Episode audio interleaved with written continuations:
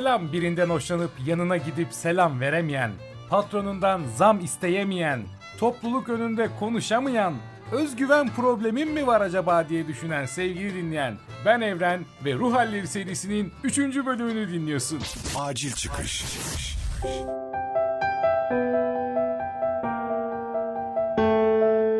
Covid olmayan günler.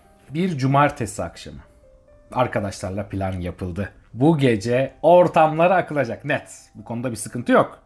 Biraz alkol, dans, güzel insanlar, ciks mekanlar. Dolabımda sadece özel günlerde giydiğim gömleğimi çıkarıyorum. Bak gömlek giymeyi sevmem. Biraz da parfüm sıkalım. Tamam? Hazırım yani ortama akacağım. Süper. Mekana gidiyoruz. Ortam sıcak. Ortam güzel. Hanımefendiler var dans ediyorlar cıvıl cıvıl. Konuşuyorlar gülüyorlar. Bir tanesi özellikle dikkatimi çekiyor. İçimden diyorum. Şimdi yanına gideceksin. Onunla dans edeceksin. Sonra biraz sohbet, birkaç espri falan patlattı mı mükemmel. Tamam bu iş. Ama o da ne? Gidemiyorum. Nisa gidemiyorum. Ayaklarım ilerlemiyor. Far görmüş tavşan gibi kalıyorum mekanın ortasında. İçimde istek var ama gidecek gücü, cesareti kendimde bulamıyorum. Ya reddederse, ya görmezden gelirse, ya eziklerse beni, dansımı beğenmezse, saçıma laf ederse. Dur biraz daha içeyim. Yok yok biraz daha içeyim. Dur ikinci bardağı da içeyim. Gidip bardan bir tane daha alayım dur. Yok olmuyor. Yapamayacağım. Ben öyle biri değilim. Neden her seferinde aynı şey oluyor? Kara büyü gibi lanet gibi bir şey bu. Neden kendimde bu güveni bulamıyorum? Neden gidip o kızla konuşamıyorum? Aha bak başkası gitti. Başkasıyla konuşuyor. Başkasıyla dans ediyor. Başkasıyla gülüşüyor.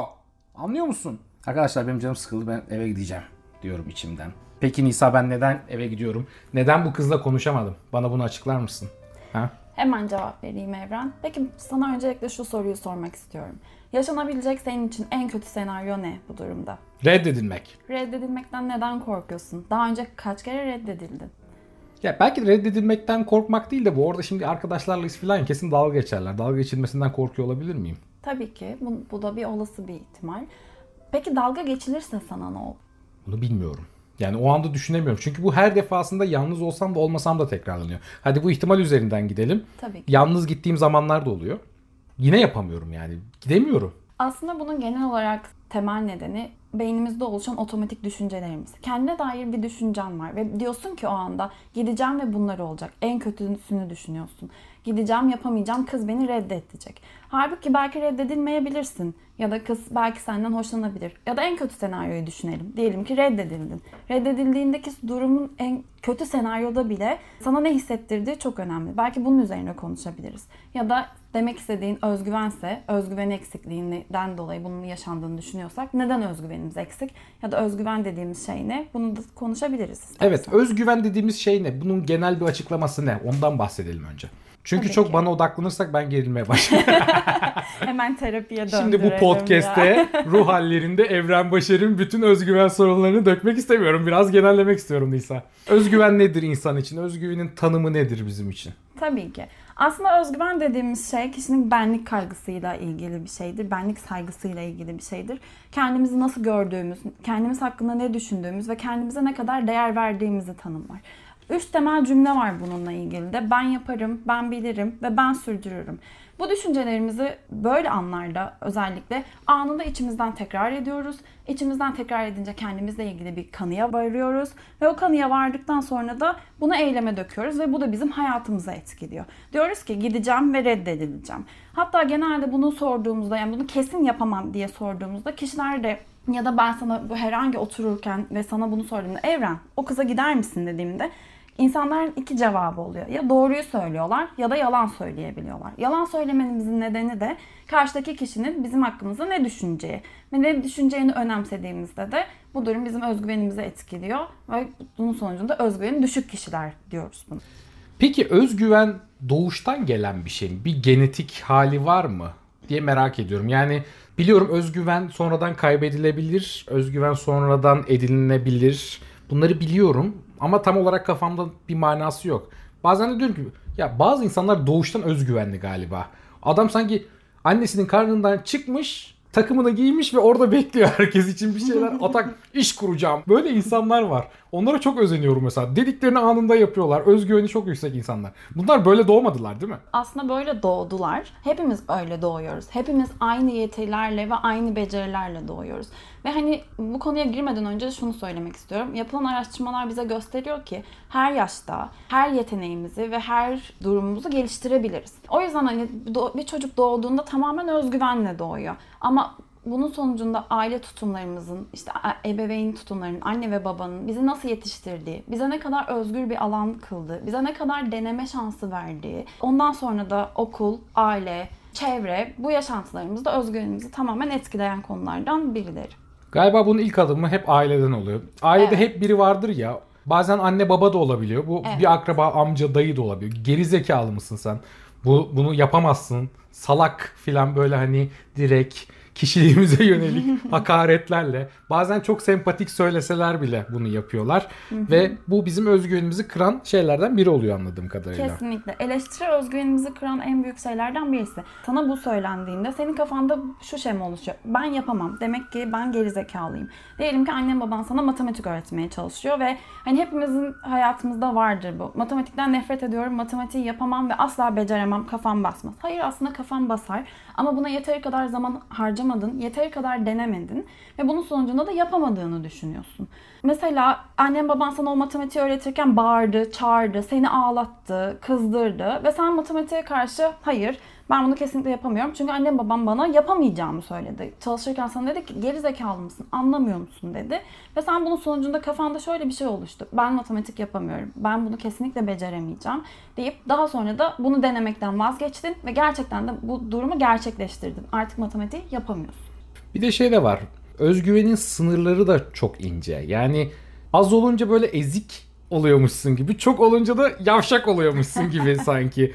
Bunun nedir sınırı? Özgüveni sınırı var mıdır ya da bir tanım var mıdır acaba? Aslında özgüvenin aşırısı dediğimiz şey başka bir konuya geliyor. Yani o yüzden özgüvenin daha azı da özgüven eksikliği diye hı hı. bunu tanımlayabiliriz. Ama sağlıklı özgüven ne diye sorarsan kendine güvenen, başkalarının düşüncelerinden etkilenmeyen, hayır deme becerisini geliştirmiş, kararlar alabilen ve bu kararlarının da sonuçlarını üstlenebilen kişilere diyebiliriz. Sağlıklı özgüven sahibi kişilere. Orada güzel bir şey söyledin. Hayır diyebilen. Bence bunun anahtar kelimelerinden bir de bu. İnsanların en fazla yaptığı şey evet demek belki de ve evet. bizim toplumumuzda da hep böyle bir şey vardı. Evet demelisin, evet demelisin. Asla kimseyi geri çevirme, kırma falan diyedi. Bu da bizim özgüvenimizi kaybetmemizi sağlıyor galiba. Hayır diyememe hastalığı. Kesinlikle. Aslında özgüveni eksik kişiler genelde hayır diyemiyor. Çünkü birini takip etmek çok daha kolay, çok daha risksiz. Kararlar alamamak çok daha kolay. O kararın sonucunda herhangi bir sonuç oluştuğunda bu senin kararın değil, başkasının kararıydı ve bu oldu. Aslında risk almaktan da korkan kişiler haline geliyoruz özgüven eksikliği yaşadığımızda. Seçim yapmıyoruz, seçim yapmaktan korkuyoruz. O yüzden özgüvenimizi nasıl geliştirebiliriz diye bir konuya gel gelir miyiz bilmiyorum. Gelebiliriz. Şimdi bir Gelir hikayeden mi? daha yola çıkıp Tabii ki. Ona geleceğim. İş yerindeyim. Evet. Böyle ipsiz sapsız yine orada çalışan çok çalıştığına inanmadığım ama işte özgüveni yüksek olduğu için girişken gözüken fakat işi gerçekten yapmayan insan gidiyor patronun karşısına oturuyor çat çat konuşuyor diyor ki ben zam istiyorum. Piu tak alıyor. Ben o kapıdan giremiyorum. Patronun karşısına oturup işi yaptığımı bilmeme rağmen, iyi olduğumu düşünmeme rağmen, hak ettiğimi düşünmeme rağmen o zammı isteyemiyorum. Ve başkası kazanıyor o zaman. Evet. Daha az çalışmasına rağmen. Evet sinir bozucu bir durum. Bir durum yani. Bak şu an sinirim bozuldu benim. Neden? Aslında çok haklısın Evren ama bu hadi bu git bu konuşmayı yap bunu yapabilirsin şeklinde maalesef olmuyor. Bu yıllar alan bir süreç oluyor ve en temel konu seçim yapmaya karar vermek. Yani seçim yapmayı da istemek. En önemli konu bu. Yani sen o adama gidip onunla konuşmayı seçmelisin öncelikle. Özgüvenimizi geliştirmemizin en temel noktası bu. Bu da dediğim gibi deneyeceksin. Belki başarısız olacaksın. Belki önce o adamın sadece kapısına kadar gidebileceksin. Önce belki patronuna sadece merhaba deyip herhangi genel bir şey hakkında konuşacaksın. Daha sonra belki zam konusuna geleceksin. Ufak ufak deneyerek, bunu tecrübe ederek geliştirebiliriz. Öyle hemen yarın kalktım, bu konuşmayı dinledim ve artık özgüven sahibi bir insanım diye şeklinde olmuyor. Bazen bunu bekliyoruz ve çok büyük adımlar atıyoruz. O adımların karşısında da bazen istediğimiz sonuçlar doğmuyor. Ve beynimizde yine bu düşünceyi doğruluyoruz kendimize dair. Bak denedim ve çok kötü oldu sonucu. Yapamadım. Çünkü ben beceriksizim. Düşüncesini yine kendince doğruluyorsun ve özgüven eksikliğin yine bir yerde tetiklenmiş oluyor. O zaman o kutsal soruya geliyorum. Tabii ki. Özgüvenimizi yükseltmek için yapabileceğimiz alıştırmalar, maddeler var mı böyle sıralayabileceğin? Her gün şunları bir denesen, kendinde bir gözlemlesen, yapsan belki özgüvenini yükseltmene yardımcı olur diyebileceğin bir şey var mı? Aslında her zaman gibi değil ama önce kendinde neyi değiştirmek istediğini seçebilirsin. Neyi değiştirmek istediğimizi seçelim. Bu da gerçekçi bir seçim olsun. Çok büyük hedeflerle başlamayalım. Az önce de söylediğim gibi çok büyük hedefler aldığımızda, gerçekçi olmayan hedefler aldığımızda ve bunun sonucu kötü olduğunda bu durum bizi o bir şey denememizi tekrar cesaretimizi kırabilir. O yüzden öncelikle hedefimizin gerçekçi olması çok önemli. Mesela örneğin bardaki kıza gidip direkt benimle dans eder misin yerine öncelikle bardaki kıza gidip belki selam vermek olabilir ya da hafifçe gülümsemek, göz göze gelmeye çalışmak olabilir mesela. İkinci olarak bu konuda harekete geçin ve bunun sonucunda bedel ödeyin demek istiyorum. Yani bunun sonucunda kötü olacağı olsa da emek harcaman gerekse de bunu göze al. Örneğin mesela kendi adıma konuşursam spor yapmak her sabah kalkıyorum ve diyorum ki işte spora başlayacağım bugün. Bir kere gidiyorum, işte ufak gidiyorum, ikincisine gidiyorum ama üçüncüsüne gitmediğimde ben zaten spor yapamıyorum, ben spor yapmayı beceremiyorum gibi bir düşüncem direkt be- beynimde canlanıyor. Ama yine gerçekçi mi? Hayır değil. Bunun için ne yapmam lazım? Ufak ufak ufak ufak bunu arttırmam lazım.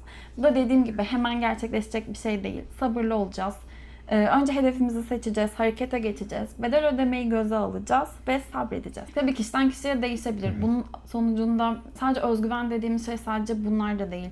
Özgüveni eksik kişiler aynı zamanda kaygı ve anksiyete, kaygı anksiyete aynı şey ve depresyona daha açık kişiler olabiliyor. Bu da çok önemli. Bu konuda kendimizi korumak, kendimizi geliştirmek, risk almak istemek, seçimler yapmamız istemek çok güzel. Ve en son olarak şunu söylemek istiyorum bu konuda. Ne, ne kadar seçim yaparsanız ve seçimleriniz kendinize ait olduğunuzu görürseniz bunun sonucunda da o kadar özgürleşeceğinizi hissedeceksiniz. Süper. Şimdi Instagram'da da arkadaşlara soruyorum ben Tabii sık sık ki. bu konularda. Bazılarının soruları var. Onlara bir cevap bulmaya çalışalım. Deniz demiş ki kamera önünde bir şeyler çekip paylaşmak sanırım demiş. Yani burada aslında kamera önünde konuşamamaktan. Birçok insan topluluk Evet. önünde konuşamıyor. Kamera önünde takılıp kalıyor. Arkadaş grubu içinde şakayan insanlar bir yandan bir topluluk önüne çıktığında öylece kalıyor. Bu özgüven problemi mi? Ya çözülebilir bir şey mi? Ki çözülebilir bence. Yaptığım işten dolayı biliyorum. Sence nasıl? Bence bir özgüven problemi diyebiliriz. Tabii ki yine çok net cümleler kurmak çok doğru bir şey değil. Kişinin ne yaşadığı, ne düşündüğü o anda, ne hissettiğini önce sormamız gerekiyor. Ama çok genel konuşacak olursak bunun altında da yatan şey yargılanma, eleştirilme. Hata yaparsa insanların gözündeki başkalarının onun hakkında ne düşüneceği düşüncesinden kaynaklı bir durum. Tekrar dediğim gibi belki direkt kamera karşısında değil ama ufak ufak önce 5 arkadaşının, 10 arkadaşının, 20 arkadaşının önünde bunu deneyerek test edebilir. Bu bende de vardı çok enteresan bir şekilde. Hani kariyerime radyo programcısı olarak devam ettim. Hala konuşarak bir şeyler yapıyorum ama topluluk önünde çok kalmışlığım vardır. Çünkü insanlar şey diyor. Sen radyo programcısın konuşur bu çocuk. Öyle kolay değil. Radyoda tek başımayım ben. Mikrofon var onu konuşuyorum. Sen benim gözümün içine bakıyorsun. Bunda bir sıkıntı Peki var. topluluk önünde konuştun mu Evren? Sonra çok konuştum. Yani yine Peki aslında mesela ilki nasıldı? Bana biraz onu söyler misin? İkincisi. böyleyse. Ya yavaş yavaş Biraz düzeltti. daha Evet. iyiydi değil mi? Tam olarak demek istediğim şey bu aslında. İlki mutlaka demek istemiyorum ama genel olarak başarısızlıkla sonuçlanabilir. Çok kötü olabilirsin. Bacakların titreyebilir, terleyebilirsin. Cümlelerini seçemeyebilirsin. Ama her defasında biraz daha iyi olacak ve en sonucunda artık düşünmeden konuşabilir hale geleceğine eminim. Evet bu aralar bunun üzerine çalışıyorum. Artık hikaye anlatıcısı olmak istiyorum. Yeni bir adım var. başladın. Evet podcast. Podcast aslında radyo programcılığıyla aynı. Yani şu an yine bir mikrofona bakıp konuşuyorum. Ona bakarsan ama ilerleyen zamanlarda ya tiyatro gibi de değil. Mesela çoğu tiyatrocu topluluk önünde konuşamıyor. Onların da bazen oyuncuların da böyle sıkıntıları olabiliyor. Çünkü bir role giriyorsun, onu devam ettiriyor. Neyse bu konuyu uzatmayacağım. White Cherry diyor ki esasında hakim olduğum bir alanda kesin bilmediğim bir şey vardır susuşuyla çekimserliğiyle ayağa gelen fırsatı tepmişliğim çoktur diyor. Yani konuyu çok iyi biliyor kendisi ama yine de bir şey bilmiyorum deyip susup kalıyor. Aslında bu az önce bana verdiğin örneğe çok benzemiyor mu? Hani bir başkası daha az çalışıyor ama patrona giden o olduğu için o kazanıyor. Aslında bununla çok benzer nitelikte diye gördüm. Çünkü onu söylerken bunu başaramayacağımızı düşünüyoruz. Yine en temel şeye geliyorum. Otomatik düşüncelerimiz, kendimize dair yanlış düşüncelerimiz. Bu düşüncelerimizi de her defasında kendimizde kanıtlıyoruz. Bunu dedim böyle oldu. Evet ben gerçekten bildiğim şeyi konuşurken konuşamayacağım. Bir kere denedik konuşamadık gördün mü? Bak konuşamadım ve bir dahakinde gene böyle olacak diye susmayı tercih ediyoruz.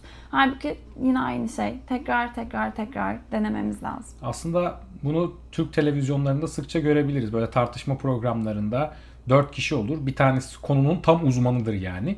Diğerleri ise biraz ortasından hani yanından geçmişler. Onlar daha çok konuşurlar. Uzman genelde dehşetle onları dinler. Hani adam ben biliyorum ama bunlar ne diyor ya falan diye susup kalır. Bu biraz bu durumla da alakalı. Risk almaktan korkmak aslında birazcık da. Belki de. Ömer demiş ki ki Kanada'daki Türklerin çok büyük bir problemi. Yani hı hı. yurt dışına çıkmış diyeyim şu an biz Kanada'da olduğumuz için öyle söylüyorum da İngilizce konuşmak. Hı hı. İngilizce konuşmak acayip özgüven gerektiren bir şeymiş gibi geliyor. Biliyorsun kafana cümleler geliyor ama ağzımdan çıkmıyor.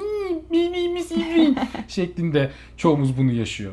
Türklerin İngilizce konuşmakla ilgili büyük bir özgüven problemi olduğunu düşünüyorum. Ne diyorsun? Ben de öyle olduğunu düşünüyorum. Bu birazcık eğitim sistemimizden kaynaklı. Yani bu da başka bir konu aslında.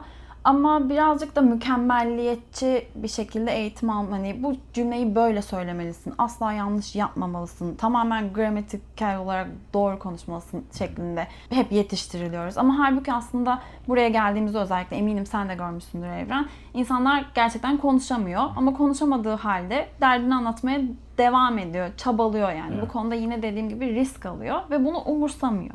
En temel şey yine risk almayı seçmek, denemek.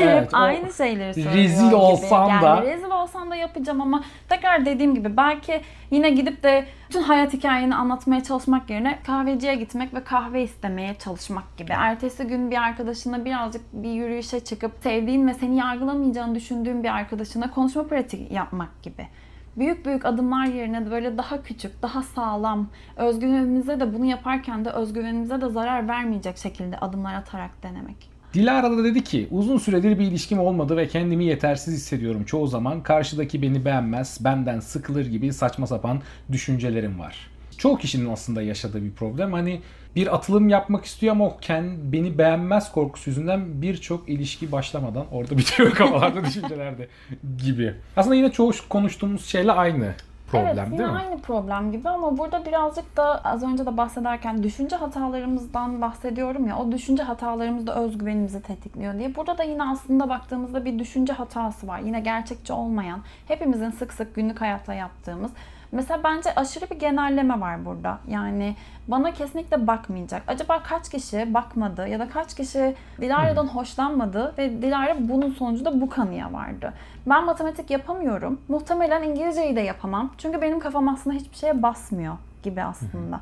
Bu çocuk bana selam vermedi ya da bana bakmadı ya da benden hoşlanmadı ya da bir önceki ilişkim bir sebepten dolayı bitti ve bana kendimi kötü hissettirdi eminim bir sonraki de böyle hissedecek gibi aşırı bir genellemeden kaynaklı böyle hissediyoruz. Bu da düşünce hataları diyoruz biz buna.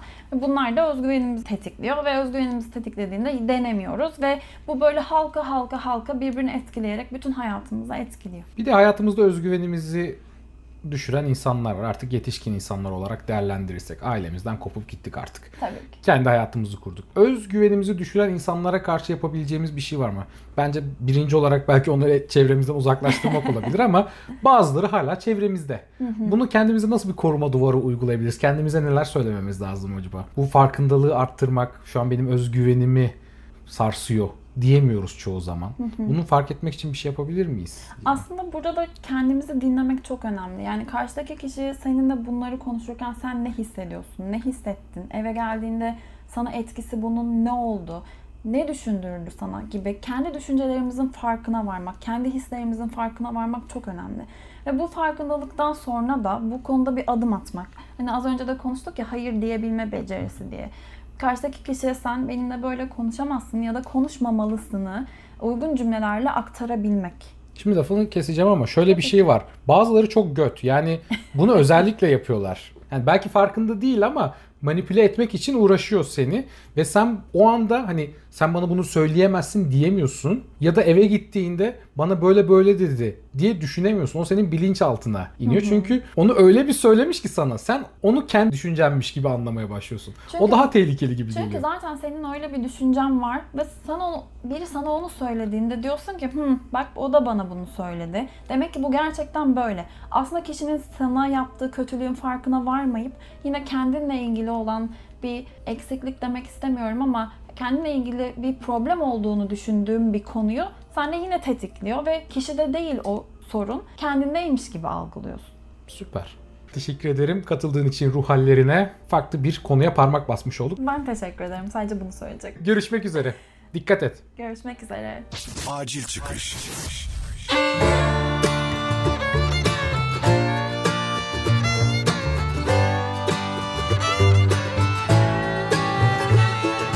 Ruh Halleri serisinin 3. bölümünde konuğum uzman psikolog Nisa Yavaş'tı. Kendisiyle özgüven üzerine konuştuk ve bir bölümün daha sonuna geldik.